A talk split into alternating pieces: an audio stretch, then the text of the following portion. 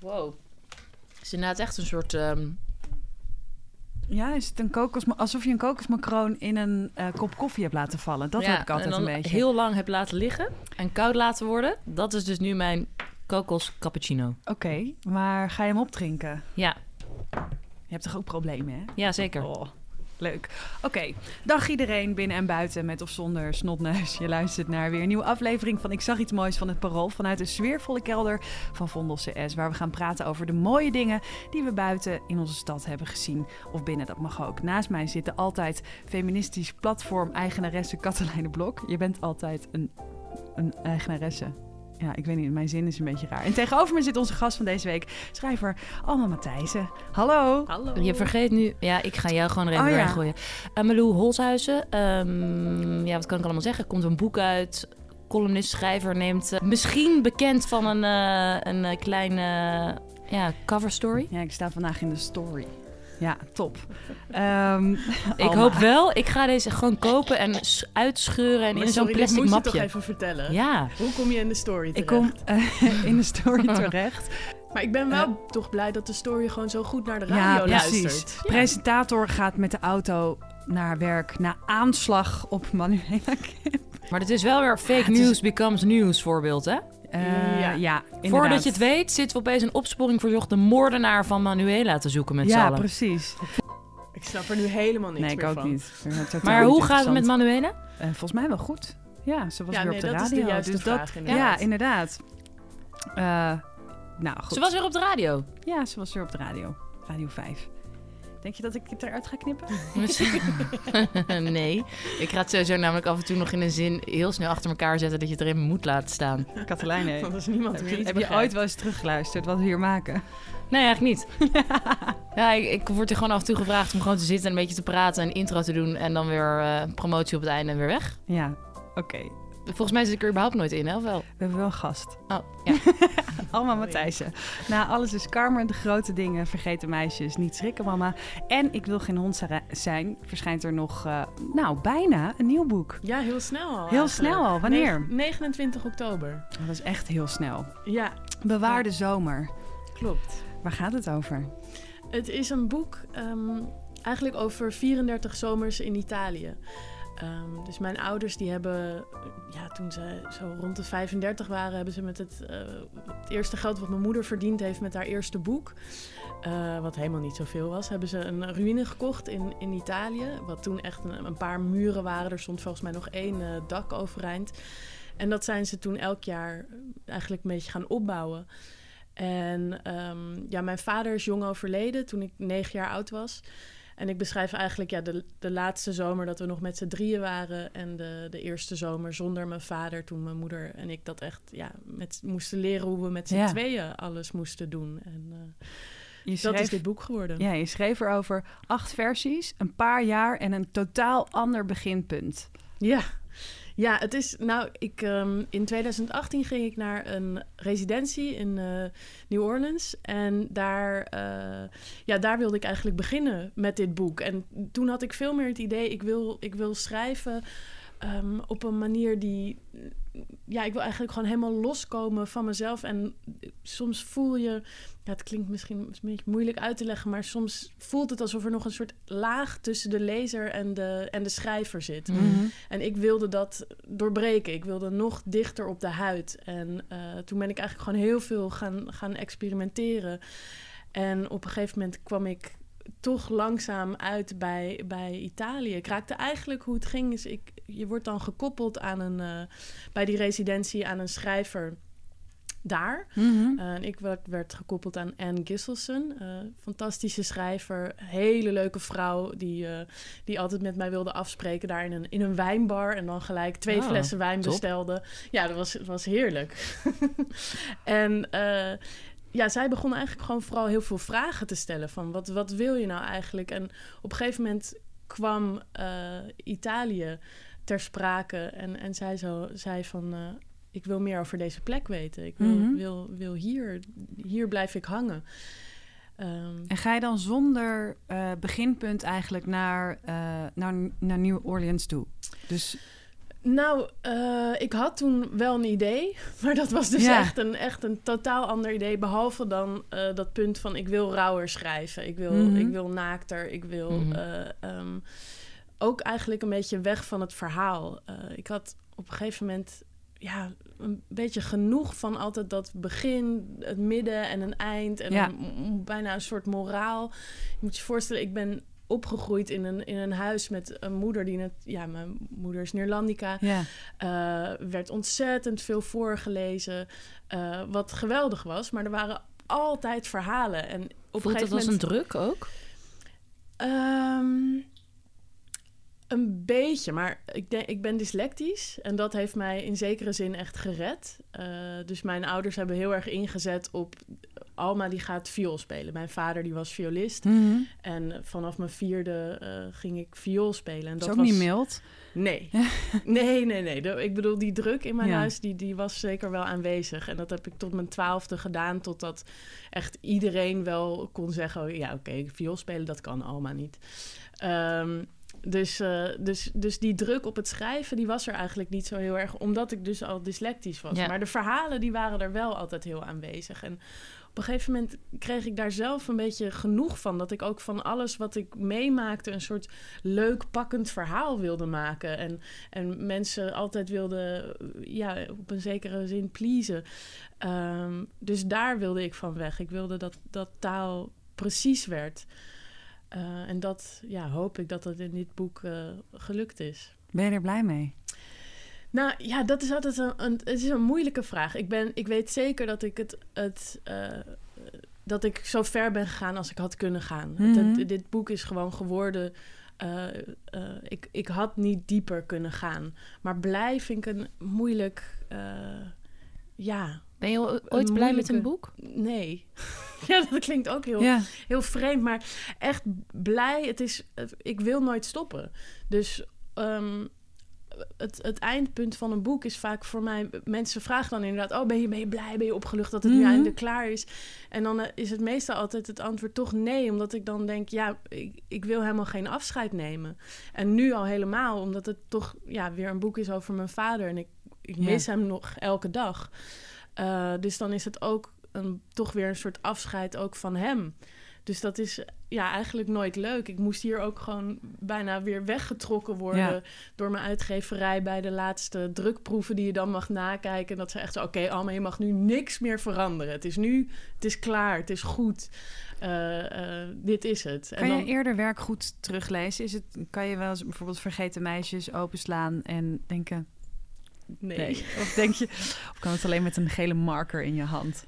Eh, ja, dat is het probleem. Hè. Eh, het, nee, ik, ik doe het ook gewoon eigenlijk niet. Ik lees natuurlijk Mhm. wel bij optredens, dan lees ik voor Mhm. en dan kan ik soms, ja, dan valt het soms wel eens mee of dan kan ik een beetje verrast zijn van, oh, dat, dat is wel leuk gevonden. Mhm. Maar ik ben daar toch te streng voor. Dat is de, ja, ik denk uiteindelijk is dat ook heel prettig, want als je niet heel streng bent voor jezelf, dan, dan ga je zeggen van, oh, maar het is wel goed zo. Ja. En dat is volgens mij de valkuil. Dat. Die moet je niet hebben. En heeft je moeder het al gelezen?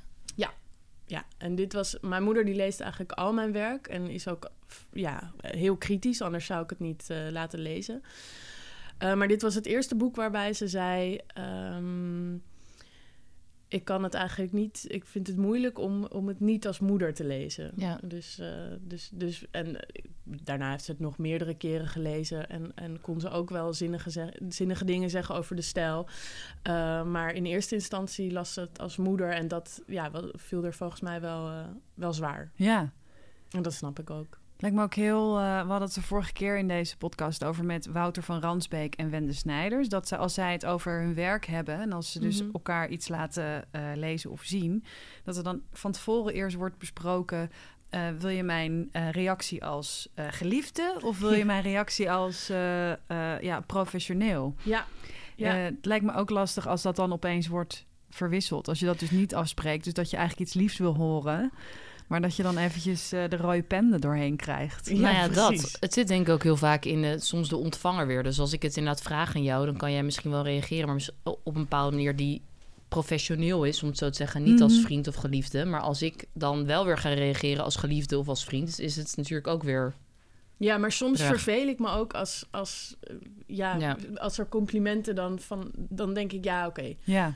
kom maar. Want ik wil nu gewoon horen wat het, wat het, eh, wat het is dat wat anders moet. Wat, Wat- beter kan. Want waar zou je, kan je zeggen dat je blij wordt van bijvoorbeeld juist een kritische noot of een compliment? Is een van de twee. Iets wat je liever wil? Nou, ik denk tijdens het schrijfproces... Vind, tuurlijk vind ik het leuk om complimenten te horen. En dat is, geldt ook voor mijn redacteuren. Als die, iets, als, als die ja, fijne dingen zeggen, dat is, natuurlijk is dat fijn. Maar het is wel dat ik gespitst ben op Ja. de dingen die beter kunnen. Dus daar ben ik dan in zo'n gesprek wel op aan het wachten. Omdat ik denk, ja, ik wil aan de slag Mhm. en ik wil, het, ik wil het beter maken. Ja. Dus ik word eigenlijk van allebei blij. Ja.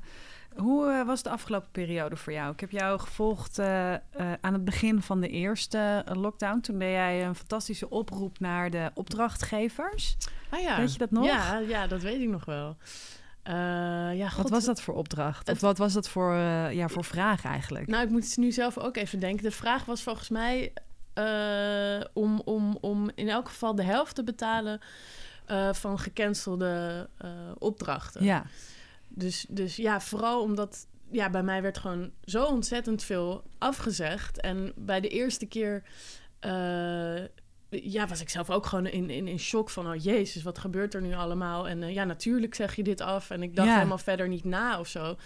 Eh, en toen was ik volgens mij met een andere, een andere opdrachtgever in gesprek. En die, die was zelf een beetje aan het twijfelen van hoe moeten we dit nou doen of zoiets. En toen kwamen we volgens mij samen een beetje op het idee van misschien is het, ja, kunnen we gewoon eh, de, de helft doen. Ja. En dat stelde ik toen voor aan andere opdrachtgevers. En die waren eigenlijk heel, die waren zo, nou, dat, dat ik hier niet aan, aan gedacht heb om, eh, om die artiesten toch de helft, Ja. de helft te- te, betalen. Want vaak waren het ook gewoon instellingen die het geld al hadden, weet je wel, Mhm. voor, een- voor een avond die al geprogrammeerd stond. Dus zo'n ja, eh, zo moeilijk was dat niet voor hun. En, eh, en het ver- verbaasde me eigenlijk hoezeer dat werd opgepikt. En ik dacht, ik deel dit, want is handig voor andere mensen. En, en daar kwamen toen echt zoveel reacties ook op. En ook inderdaad weer van instellingen die zeiden... nou, dat, dat ik hier niet aan gedacht heb. Of, Ja. of, eh, of voor artiesten die gewoon dit als een soort...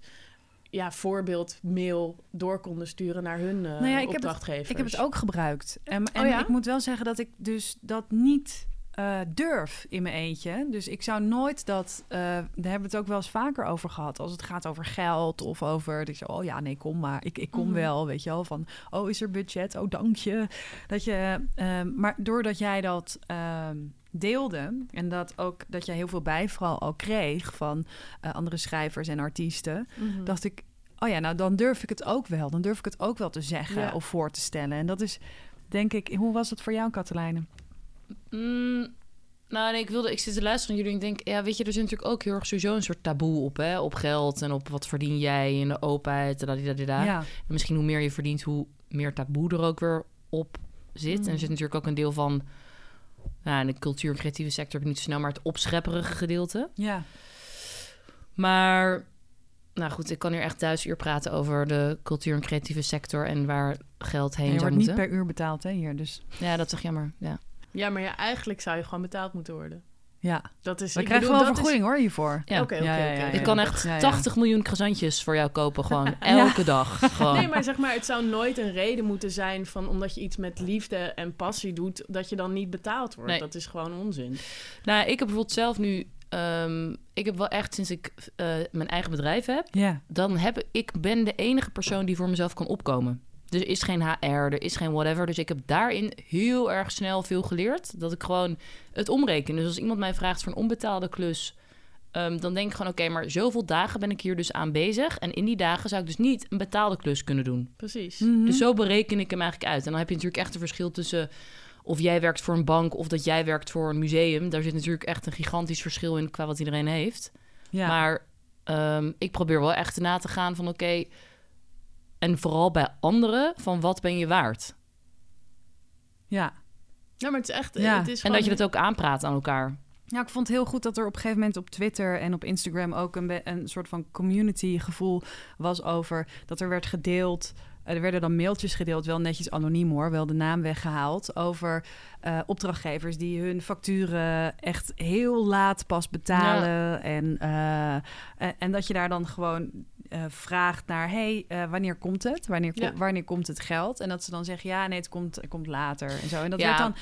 Dat, dat werd ook... Dat, dat was opeens bespreekbaar laatst in het begin van die eerste eh, Mhm. lockdown... door nou ja, ook berichten zoals jij van... Ja. oh ja, laten we het er gewoon over hebben. Ja. En ik Mhm. dacht dus altijd dat ik daarin een beetje de enige sukkel was... die dan alles niet zo goed op orde had. Weet je wel? Dat je niet echt een overzicht hebt Nee, van... maar je moet, eh, er, je moet er ook echt voor op je strepen gaan staan. En het ding is ook, als andere mensen ja gaan zeggen op onbetaalde Ja. klussen die eigenlijk gewoon geld verdienen, dan maak je het ook weer moeilijker. Dus, dus ik zou eigenlijk gewoon tegen alles wat eh, onbetaald is zeggen, doe het gewoon niet. Nee.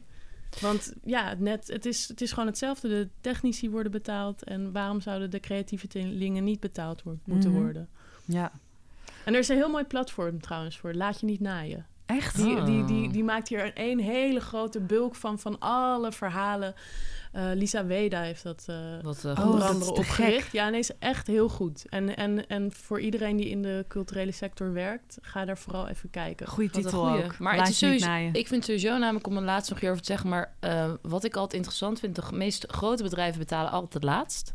Ja. Dat vind ik altijd, dus altijd. Dus Mhm. eigenlijk, maar daarnaast denk ik van ja, weet je wat het stom is? Ik ben ooit die persoon geweest die factures goed moest keuren. Dat is Mhm. gewoon een handmatige task. Ja. Dus zeg maar die 30 dagen. Ik snap wel echt als je superveel factures krijgt, dat je echt niet alles kan gaan zitten klikken op één dag. Maar ik vind dat echt, bij mij denk ik, ja, als iemand zegt van nee, sorry Malou, eh, je moet nog even 28 dagen wachten, tot dan denk ik, oké, maar als iemand er echt om vraagt, nu met name in deze tijden, dan kan je toch even die hand op die muis wat eerder leggen en wat eerder dat vinkje aanklikken naar je betalingssysteem. Ik denk het wel. Ja. Ik kijk jou indringend aan. Ja, precies. Ik denk, ja, moet ik nu het eindoordeel geven? Ja, ja, klopt. Eh, we zaten net, eh Katelijne die was iets laten zien eh, op Instagram. En toen zei hij, Alma, ik heb mijn Instagram gewist. Ja.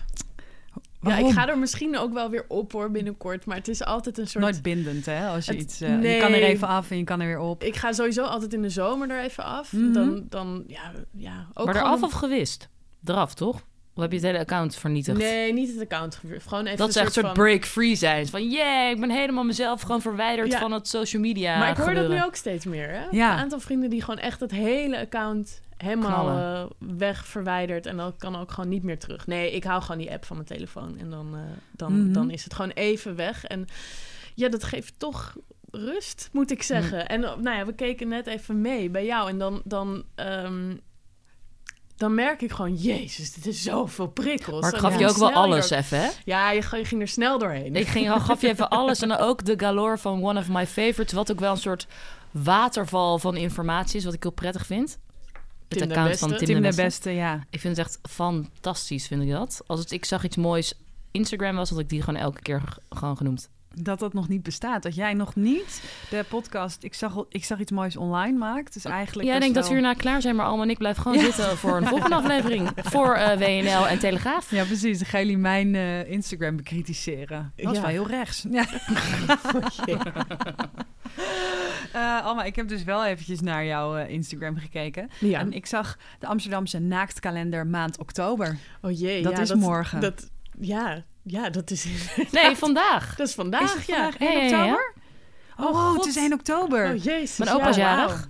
Oh, gefeliciteerd. Nou, Nou, ik heb een leuk cadeau voor je Ja, laten we het over je opa hebben. Ik kan een heel grimmig eh, staartje eraan doen, wat ik doe. Nee, even Hij is over het project. Even over het project. Wat is het voor project? Het is een eh, project van Mark en Lara, eh, fotografen en kunstenaars uit Amsterdam. En eh, ja, het, het heet dus de Amsterdamse Naaktkalender. Mhm. En dit doen ze volgens mij is dit het tweede jaar inmiddels. En ze fotograferen eigenlijk gewoon iedereen die zij om de een of andere reden leuk vinden.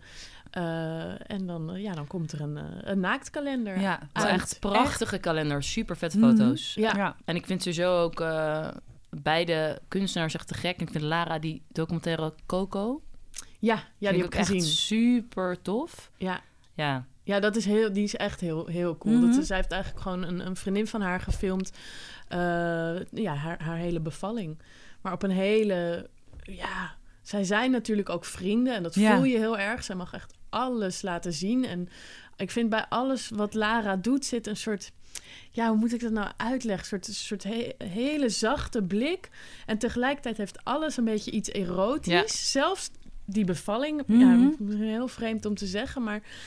ehm, soort onbevangen zit er ook Ja. in. Ja, het is maar ook weer helemaal niet. Ja, het is heel, eh, ja.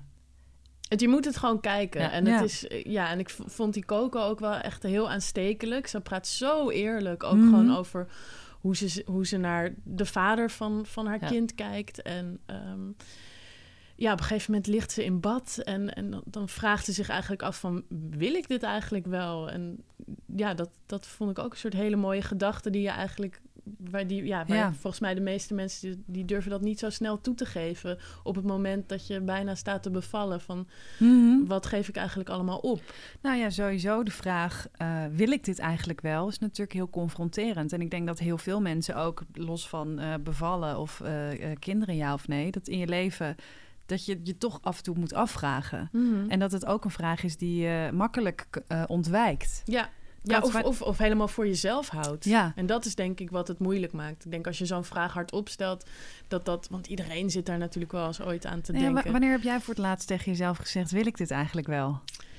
Ja, maar waar gaat het dan over? Ja, Over- ja, precies welk thema. Nee, dat, dat maakt niet uit. Gewoon, het popt toch wel eens in je hoofd? Bij mij popt het heel vaak in mijn hoofd. Ja, precies. Maar ik heb altijd de... Ik heb liever spijt van iets dat ik wel gedaan heb dan Ja. niet gedaan. Daar Ja. heb ik trouwens niet over kinderen. Dat is een heel ander hoofdstuk. Mhm. Maar in het algemeen denk ik, nou, dan maar head first erin. En daarna denk ik, oeh, maar dan heb ik wel een prachtig verhaal voor allerlei andere mensen om van Ja. te genieten.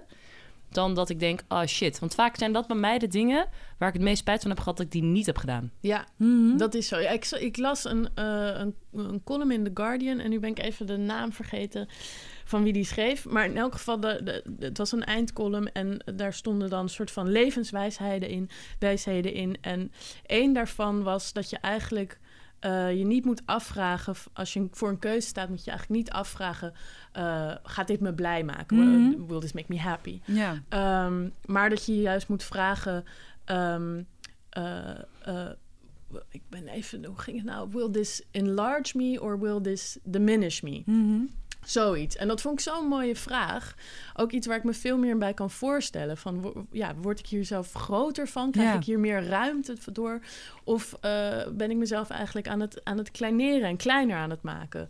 Eh, en dat kon ik veel beter voor me zien. Dus dat vond ik zo'n zo'n mooi... Die gaat, dat ga ik niet meer vergeten. Ja, heel mooi. Laten we het over Amsterdam hebben. ja. Waar, waar in welke Amsterdam wijk, nou, wijk hebben we? Ja. Tuurlijk Oost. hebben we wij. Ja. Buurtje? Buurtje?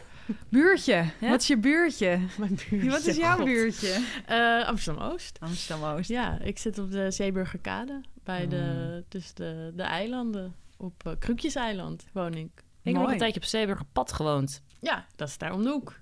Ja. Echt top. En dan zit, zat ik boven een kantoor met een garage. En dan kon ik dus vanaf een afstand, wat echt vet was, zo de garage open doen. Dan reed ik zo naar binnen.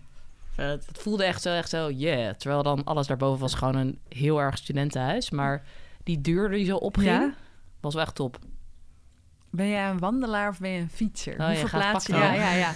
hoe, hoe verplaats jij je door de stad? Eh, beide eigenlijk. Maar Mhm. vooral verplaatsen echt gewoon met de fiets. Mhm. Ja, ja, ik vind, ja, dat is toch zo heerlijk dat we Ja. dat, dat, dat kan. En het grappige is ook bij mij, ehm, als ik eenmaal in de stad ben, dan leidt eigenlijk elke weg naar mijn huis. Omdat Mhm. ik best wel ver toch Mhm. woon van het centrum. En dan vaak als ik dan met vrienden ben, dan oh, ga je naar links en naar rechts. En, dan- en dan zeg ik, ja, maakt, maakt niet uit. Ja. Want als ik naar rechts ga, dan kom ik op een bepaalde manier thuis, want het is zo ver. Maar als ik naar links ga, kan ook. En naar rechts, het, het is gewoon echt waar. Als je bijvoorbeeld op de Vijzelgracht staat, eh, kan ik richting ehm, eh, de munt rijden. Kom, Mhm. ik, kom ik naar huis. Maar kan ook naar rechts gaan. Kan eigenlijk ook naar links gaan. Want kom ik via het Leidsplein, is prima. ja. Maar dat kan, dus dat vind ik zo leuk, dat als je er heel ver gaat wonen, dan leiden alle wegen naar huis. En dat je altijd een andere route kan pakken. Dat zei vorige week, of eh, vorige keer zei iemand dat ook, toch? Dat je altijd op een andere manier eigenlijk naar huis kan fietsen Ja. als je Ja. wil. In Amsterdam. Ja, dat, ja, ik weet niet. Ik vind het gewoon zo leuk om inderdaad al die verschillende wegen te zien. En ik vond het eerst heel... Ik heb tien jaar in de Jordaan gewoond. Mhm. En toen woonde ik gewoon bij alles in de buurt. Ja. Letterlijk, het verste was 10 minuten fietsen. En nu ben ik soms wel 40 minuten aan het fietsen. Eh, en je ziet gewoon zoveel meer. Heb je een favoriete route? Ehm, ja, ik hou wel van de fietssnelweg Savatistraat. Hmm, ja. Ja, ja. Die gaat gewoon heel snel. En dan vind ik het ook leuk dat die grote dingen er staan van... dit is een, een, een, een, een eh, auto's te gast, staat er dan. En dan denk ik, ja, dit is mijn straat van de fietsers. Mhm. En jullie zijn te gast. Eh, dus dat vind ik leuk. En ja, god, dat vind ik nog meer een... eh, nou, ik vind de, de brug van dus oost naar ehm, eh, het Diemerpark, dus richting Eiburg. Oh ja. Die fietsbrug, Ja. die is te gek. En zo mooi. En überhaupt dat hele... Ja, dat eigenlijk dat, dat eiland wat daar in het midden ligt. Dat is zo mooi. En dan kan je ook hele lekker frietjes eten bij, eh bij Snackbar Eiburg. En hoe was het voor jou om van de Jordaan dan, nou ja, het is bijna de stad, de stad uit, zullen- de Jordanezen hier zeggen. Neem Ja, je je paspoort mee? ja. ja, zo was ik zelf ook een beetje in Mhm. het begin. Ja, god, je, da- daar, daar wen je aan. Het is, ik vind het nog steeds wel echt rustig daar. Maar voor het schrijven is dat heel fijn. ja. En eh, nou ja, bij, bij, bij Vlagen mis ik de Jordaan. En dan mis ik vooral wat ik gewoon het aller, allermeeste mis. eh, dat is Bruin Parry. Sommige mensen die in de Jordaan wonen, die zullen hem kennen. Is Mhm. kunstenaar en muzikant. Ehm, en eh, ja, het was gewoon altijd mijn, eh, mijn buurjongen. Hij heeft Down-syndroom. Eh, en het is gewoon ontzettend echt hele lieve, gezellige jongen. En eigenlijk bijna elke dag staat hij op straat te performen. Dus, Ja. En dat is of Michael Jackson liedjes met zijn koptelefoon op... en dan doet hij echt fucking goede dans. Eh, nou ja, hij doet eigenlijk van alles en hij, is, hij hoort gewoon zo bij die buurt. Eh, en en dat, ja, dat mis ik heel erg, want ik zag hem gewoon elke dag. Mhm. Hij staat ook eens op de Elandsgracht staat hij, eh, te showen. Precies. Ja. Ja, je kan hem volgen hè, op al zijn 13 Instagram-accounts. Ja. Hij heeft eh, inderdaad eh, Bruin Parry eh, Official, Parry Bruin, eh een Bassin Adriaan-account, een Michael Jackson-account, een kunst-account, een performance-account. is te gek. Nou ja, je kan nu ook naar Breda om zijn kunst te zien. Oh, echt? Ja, hij is een tentoonstelling in het stedelijk Breda. Oh, wat goed. Ja, Bruin. Ja, echt. Katelijnen. Mijn mooie dingetje wil je? Ja, ik wil je mooie dingetje. Ah, Oké, mijn mooie dingetje is ehm, van gisteren. Namelijk, ik was gisteren op pad met mijn eh, eh, vriendin slash eh, feministische wederhelft Milou Delen. Mhm. En toen waren we aan het wandelen door eigenlijk... We waren gewoon inderdaad lekker aan het wandelen. We waren aan het wandelen zo door het buurtje bij Leidseplein. Dus echt zo, echt zo die zijstraten pakten we zo niet richting een balie... maar meer bij de Spiegelgracht daar. Weteringstraat en zo zit het volgens mij. En eh, op een gegeven moment zaten we daar een beetje... en eh, opeens kwam er uit de verte iemand aan fietsen... met een soort wapperende regenjas aan en een masker op. Ik bedoel, props als je hard fietst met masker op ook nog met een soort van knalrode regenlaars aan. Iemand die gewoon helemaal prepared was voor het seizoen, de dag en alles. Die kwam op ons af en wij zaten net zo heel even op een, eh, een bankje midden in een soort van zee van passiebloemen. En dat zijn van die kleine paarse gezellige bloemetjes. Ik weet niet of jullie zeggen van... Oh, hier- nou, en daar hangen dus ook passievruchtjes aan. Dat zijn die bolletjes die eraan zitten. Mhm. En eh, deze vrouw stapte af van haar fiets. En die vrouw die, eh, die mompelt wat door de masker naar ons. En die zei... hey meiden, eh, willen jullie soms van mij een stekkie? Een stekkie? Ze zei, ja, een stekkie. Zij woonde dus in het huis aan, eh, met die enorme wand. En ze begon te vertellen. Ze zei, ja, weet je... Mijn, eh, deze hele struik van mij... en het was echt een prachtige struik... hing als een soort sieraad hing het aan die muur. Zij, deze, deze struik eh, was ooit van mijn schoonmoeder. En toen zij twee jaar geleden overleed, nou, wat denk je? Hele plant ook dood. Mhm. En dit is het eerste jaar dat hij weer in volle bloei daar stond.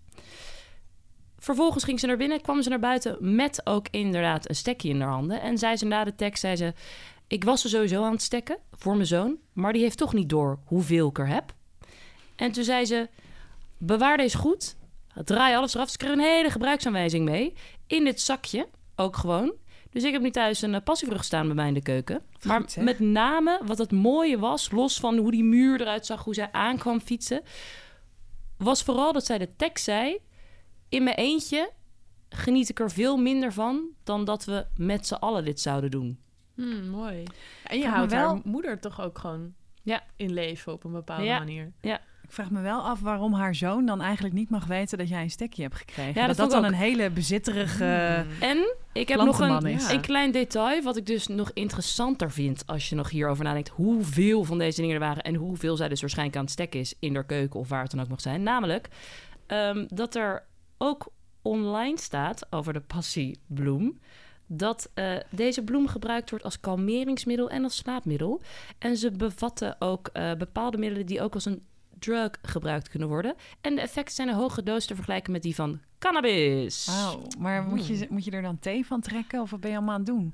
Ik ben de mensen aan het, niet Ja. aan het stimuleren om dit te gebruiken. Maar ik dacht wel, als je dit weet en dan weet dat er zo'n haag is. Opeens dacht ik, hé, hey, maar dit zou toch zo heerlijk zijn... als hier gewoon een soort familieritueels van deze dingetjes... eh, Dat deze Roken? vrouw haar struik gewoon volgende week helemaal leeggetrokken is. Ja. Misschien is dat waarom je het ook niet mag krijgen van die zoon. Exact. Worden. Exact. Maar goed, neem het mee, denk erover na. En ga dat het vooral het niet een- eten trouwens. Een, een nieuwe trend wordt. Dat je hebt het op dat Scandinavische, dat je...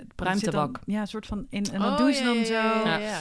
Snis heet dat of Snoes. zo? Ja, Snoes. Snoes. ja, ja. ja, ja, ja. Maar ik vind Ja. het altijd zo lelijk eruit zien. Dat en jij de gehemelte gaat er ook volledig aan. Maar Oei. dat, dat iedereen dat dus nu gaat doen met eh, passiebloem. van die thee- theezakjes passiebloem. eh, Dat die allemaal zijn uitverkocht bij alle tuincentra ook gewoon in Amsterdam nu. De Ja. passiebloem. passiebloem. Maar kan je de vruchtjes al eten? Ik zou het niet doen. Nee, ik was het ook niet van plan. Het is jouw, Oh. het is jouw eh, Verhaal? plant. Ja, Plant. Ja, nee, nou ja, mijn plant eh, is nu nog gewoon een stekje. En ik moest van haar alle dingen die eraan kwamen groeien, moest ik er meteen afrukken. Zij is ook echt. Oké, Oh. wauw. We gaan het zien. Rigoureus. Ja. Dankjewel. Hou ons op de hoogte. Ja, hou eens op de hoogte. Alma, Ja. wat heb jij... eh, je hebt iets meegenomen. Ja, ik heb iets meegenomen. ehm, eh, maar eigenlijk gaat het vooral gewoon om... Ik, dit is denk ik wel alweer een klein maandje geleden. Maar dat, dat, dat is mag niet toch? erg, Oké, ja. Ik was naar de eindtentoonstelling van de Rietveld Academie. En ik vind het dan altijd leuk om, om gewoon helemaal niks van tevoren in te lezen. Of gewoon, gewoon elke ruimte in te stappen zonder, zonder iets ervan te weten. En ik stapte een hele kleine kamer in die helemaal verdonkerd was. En ik stond daar in mijn eentje. En ik keek naar een, een, ja, een heel groot rond scherm. En daarop ehm, ja, zag ik schimmel in, een soort, in zo'n soort petrischaaltje, zeg je Mhm. dat zo?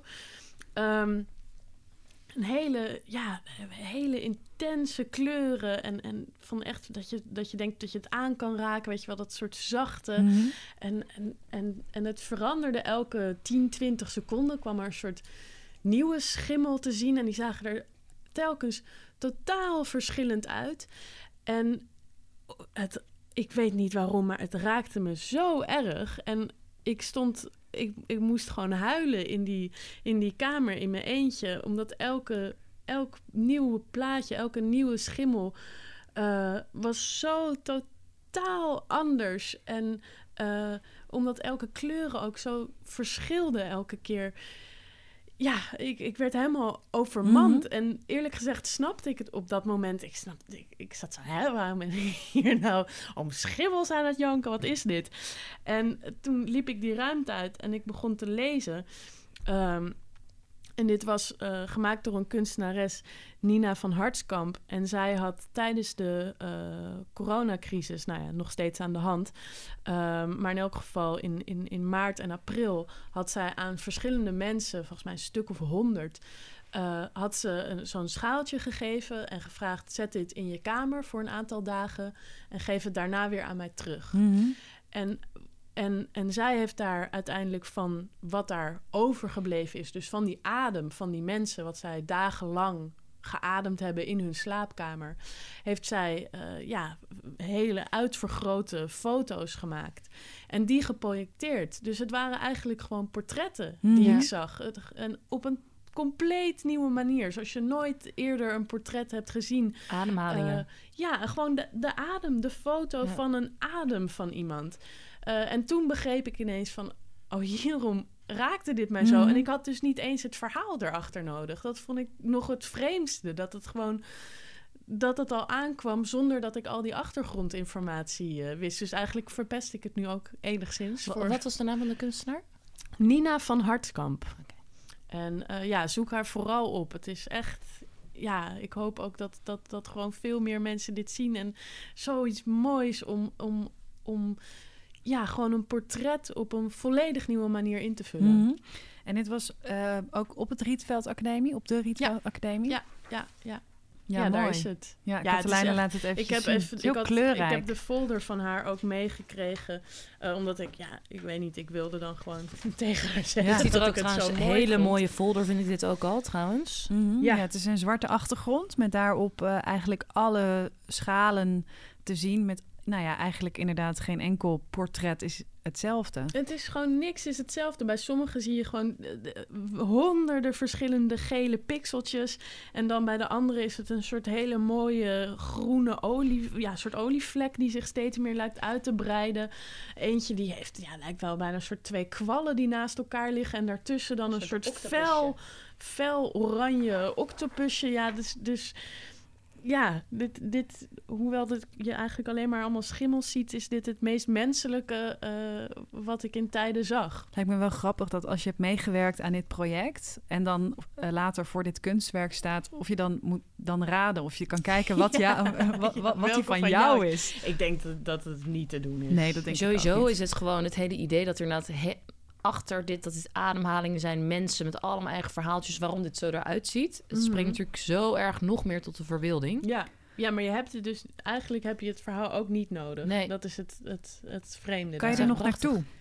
Eh, want Oh, hoe zit dat God. bij de Rietveld? Eh, is dat dan Nou ja, voor dat is publiek een- te bezoeken of Ja, een bepaalde... zeker. Dat is elk jaar kan je Ja. gewoon eh, naar de eindtentoonstelling. zijn de eindexamenstudenten. en dat, eh, dat, is, dat is dan drie, vier dagen of zoiets. Je kan nu niet meer naar de, de Rietveld tentoonstelling. Maar de, kunstenares, die kan je natuurlijk gewoon eh, opzoeken. En dat zou Mhm. ik eh, zeker ook doen. Mooi. Heel mooi, dankjewel. Ja. Ik ehm, was uiteraard weer aan het fietsen door eh, de stad. En, ehm, De brug? nee, het was niet Ah. de brug. Ja, ik heb een favoriete brug. Dat is een soort van slagveld. De brug bij het Haarlemmerplein. Slagveld. Ja, dat is echt een slag. Want er gaat, gaat, er, gaat eh, stoplicht op rood. Dan gaat er iets anders op groen. Maar het is daar gewoon te druk. Dus rood en groen, het betekent daar niks. dus, Ah, maar en je hebt mensen... ook nog de brug die daar omhoog Precies. gaat. Gewoon eigenlijk altijd oranje. Ja, het is eigenlijk iedereen. gewoon altijd oranje. Ze kunnen beter gewoon de stoplichten weghalen en dan maar zien. Want het, ma- het maakt niks uit. Je kan groen hebben, maar het maakt niks uit. Want dan hebben andere mensen nog groen van drie groenen geleden. Ehm, maar dat is het nu niet. Meestal eh, gebeurt er daar wel iets. Vorige keer was de man die ging daar de eh, voeren. Terwijl dus er werden allemaal mensen in pak eh, op de fiets ondergekakt. Dat was heel grappig. maar nee, ik fietste nu. eh, ik fietste gewoon. Ik moest ergens naartoe. En ehm, toen zag ik, nou, ik denk 100 meter voor me, Daan, mijn beste vriend, fietsen. En die fietst stevig door. Dus, eh, maar je hebt toch wel eens dat je mensen herken je heel erg in, in hun doen en laten. Dus het is Ja. in, in, in een oogwenk zag ik hem. Dus ik, ja, ik moet, moet naar hem toe. Ik ga hem gedag zeggen, want ja, lachen. En dus ik echt heel, heel, heel hard fietsen. Ehm, en hij ook heel hard fietsen. Ik dacht, nou, eh doe maar. Ehm, en toen stonden we bij het stoplicht en ik ehm, deed mijn hand zo op die van, weet je, op zijn, op zijn elleboog deed ik zo. En, en ik zei iets heel loms ook. Ehm, en ik kwam er veel te laat achter. Het was hem niet. Oh Ehm, het, was ook, het was ook een vrouw. Dus ik En moest... het is, hallo, het is corona. Ja, dat. Dus het was heel raar. En, toen En opeens ik- heel intiem. Precies, en wij hebben het hier heel vaak over ja, toch wel opmerkelijke personen die je tegenkomt in de stad. Dat je denkt, ja, wat, wat bezielt je eigenlijk? En nu dacht ik, ah, ik ben het. ik, ben, ik ben deze nu. Ja. Dus eh, eh, goed om te delen dat, nou ja, inderdaad het, het verwarrende wat je af en toe kan hebben in zo'n stad, dat dat... eh, Nou ja, en je vrienden kunnen er ook soms, vind ik, als je ze ziet in hun eigen doen en laten, ineens totaal andere Ja. mensen. Ja, Normaal dan praat je met ze en je, je weet hoe diegene op jou reageert. Ja. En dan, dan je kent alle trekjes. Maar als iemand gewoon helemaal in zichzelf is, soms schrik ik wel eens als ik Mhm. dan vrienden per ongeluk tegenkom. Op de fiets inderdaad. Of dat je, weet je wel, soms kom je iemand tegen in de, in de supermarkt of zo. En dat je denkt, hè, kijk die zo als die alleen is? Wat raar. kijk die zo uit zijn ogen. Ja. Ik heb ook één keer vroeger, eh, mijn broertjes zijn eh, zeven jaar jonger dan ik, zijn tweeling. En wij gingen vroeger, eh, hadden we het strandhuis op Wijk aan Zee.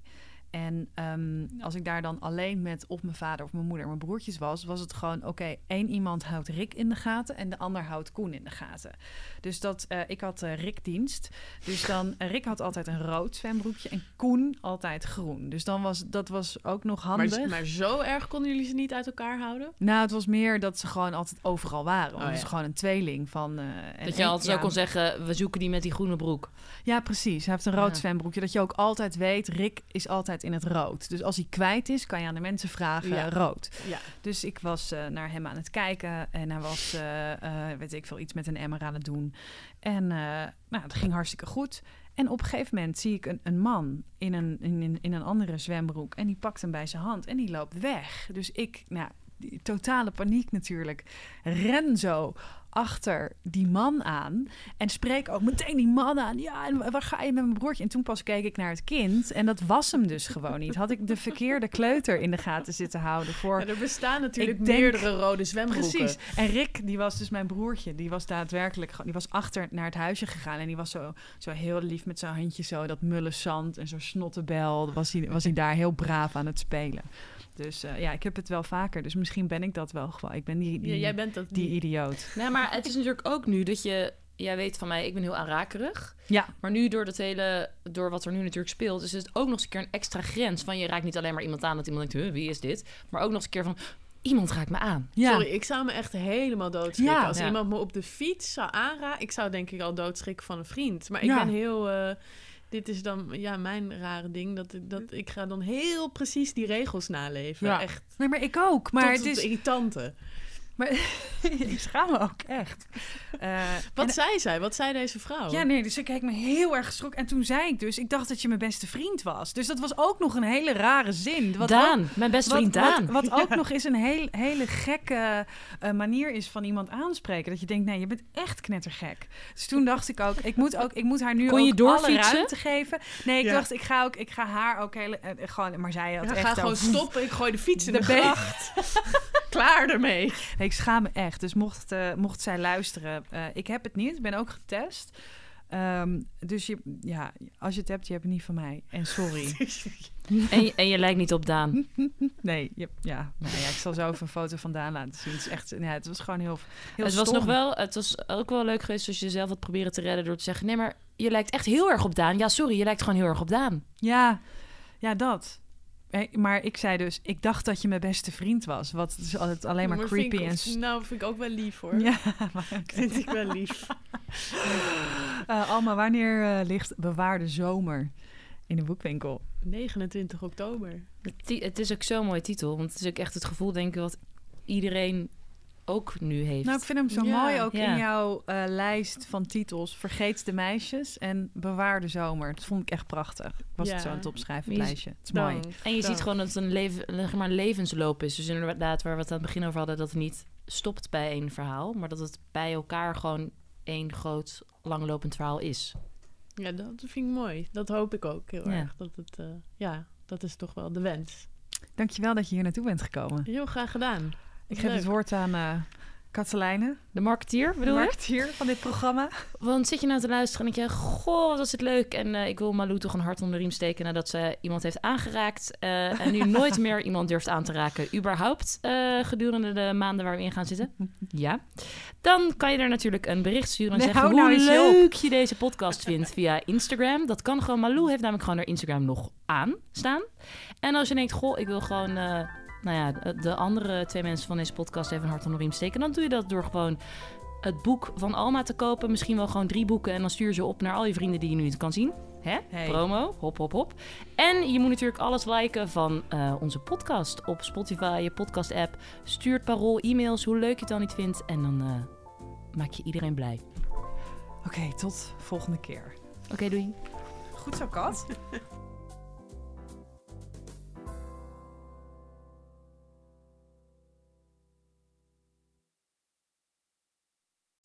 We worden dagelijks overladen met overbodige informatie. En het is moeilijk de zin van de onzin te scheiden. Daarom vertrouw ik op echte journalisten in plaats van meningen.